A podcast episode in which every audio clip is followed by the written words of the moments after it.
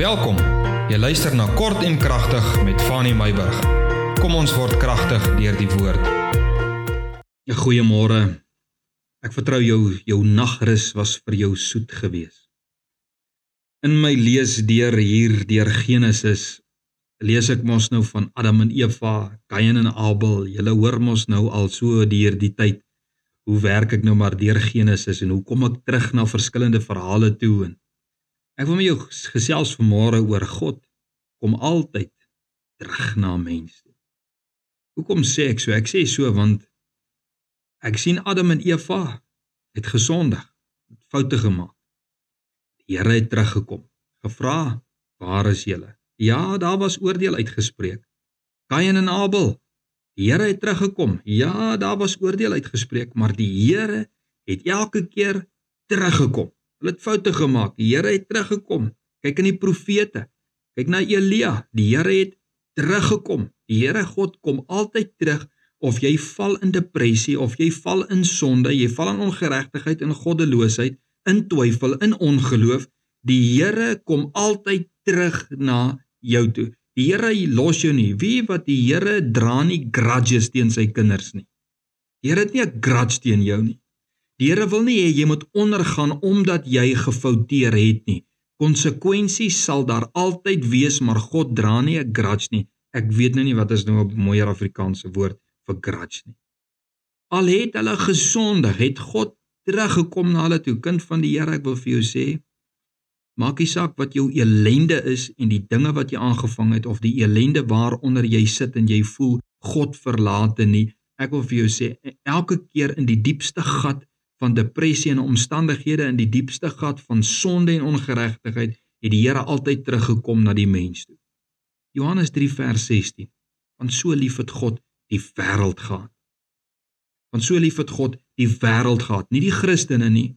So lief het God die wêreld gehad dat hy sy enige gebore seun gegee het sodat elkeen wat in hom glo ewige lewe kan hê. God het teruggekom.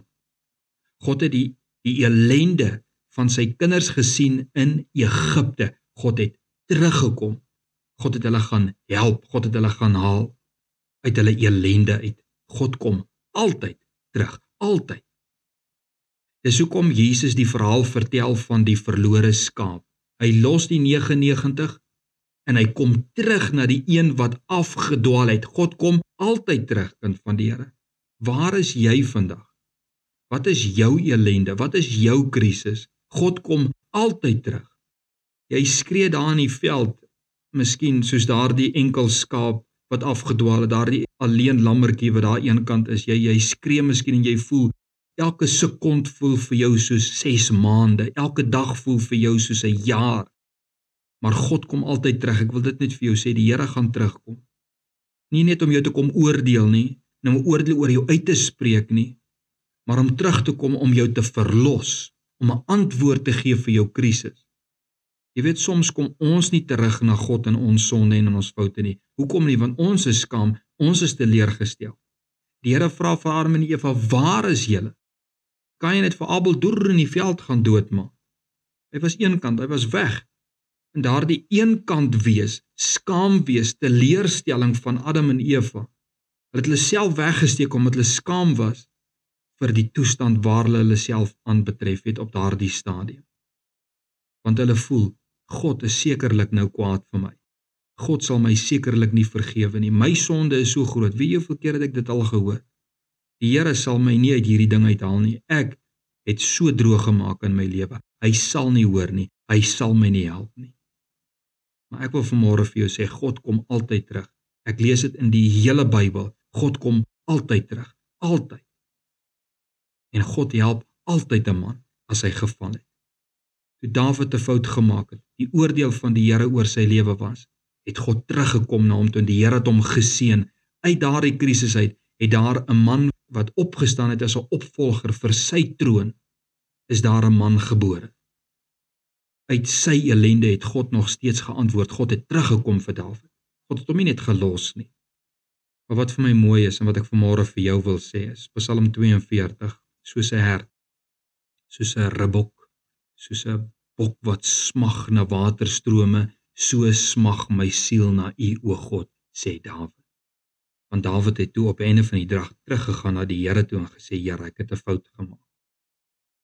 Dit is hoekom Johannes hy hy gee vir ons raad. Hy sê die wat hulle sonde bely, God is getrou en regverdig om ons te vergewe.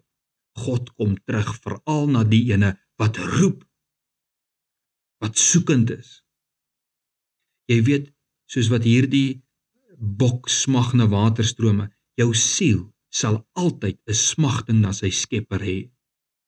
Jy sal miskien afdwaal, jy sal miskien wonder is die Here kwaad vir my? Die Here sal my nie vergewe nie, maar jou siel sal altyd smag na sy Skepper toe. Daar sal altyd in jou siel 'n leemte wees, altyd. Daar sal altyd na jou kant toe 'n roepstem wees. Altyd. En dit is die roepstem van die herder. Daar sal altyd 'n klop aan jou siel se deur wees. Dis Jesus. Daar sal altyd 'n aantrekkingskrag wees om jou terug te trek. Hoekom? Want God kom altyd terug. Dis hoekom hy aan jou deur kom klop. Dis hoekom hy na jou soek. Dis hoekom Jesus sê almal wat dors het, kom na my toe. Dis hoekom daar daar's altyd 'n roepstem. Daar is altyd 'n klop aan jou deur. God kom altyd terug. God los jou nie. Maak nie saak wie is jy, maak nie saak waar in jy vasgevang is nie. Dis my woord vir jou vir vandag.